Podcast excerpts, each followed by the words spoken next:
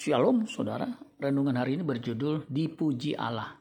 Ayub 1 ayat 8. Lalu bertanyalah Tuhan kepada iblis, apakah engkau memperhatikan hambaku Ayub? Sebab tiada seorang pun di bumi seperti dia, yang demikian saleh dan jujur, yang takut akan Allah dan menjauhi kejahatan. Allah memuji Ayub di hadapan iblis sebagai orang yang saleh, jujur, takut akan Allah dan menjauhi kejahatan. Allah juga memuji Daud, kisah para rasul 13 ayat 22. Setelah Saul disingkirkan, Allah mengangkat Daud menjadi raja mereka. Tentang Daud, Allah telah menyatakan, Aku telah mendapat Daud bin Isai, seorang yang berkenan di hatiku, dan yang melakukan segala kehendakku. Puncak pujian dari segala pujian diucapkan Allah Bapa kepada Kristus sampai beberapa kali. Matius 3 ayat 17, lalu terdengarlah suara dari sorga yang mengatakan, inilah anakku yang kukasihi, kepadanya lah aku berkenan.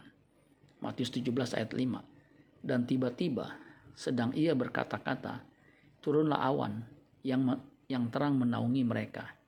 Dan dari dalam awan itu terdengar suara yang berkata, Inilah anak yang kukasihi, kepadanya lah aku berkenan, dengarkanlah dia.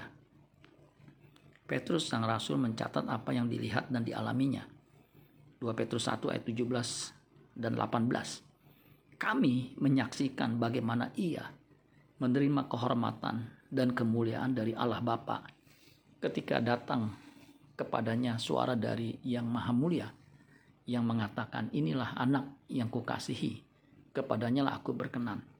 Suara itu kami dengar datang dari sorga ketika kami bersama-sama dengan dia di atas gunung yang kudus sebagai anak-anak Tuhan, pujian yang harus kita cari dan gumuli adalah pujian dari Tuhan.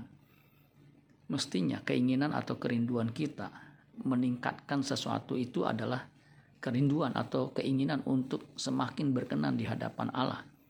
Karena hal yang termahal terutama dan tak dan tidak ternilai adalah berkenan kepada Tuhan. 1 Korintus 4 ayat 5 karena itu janganlah menghakimi sebelum waktunya, yaitu sebelum Tuhan datang. Ia akan menerangi juga apa yang tersembunyi dalam gelap, dalam kegelapan, dan ia akan memperhatikan apa yang direncanakan di dalam hati.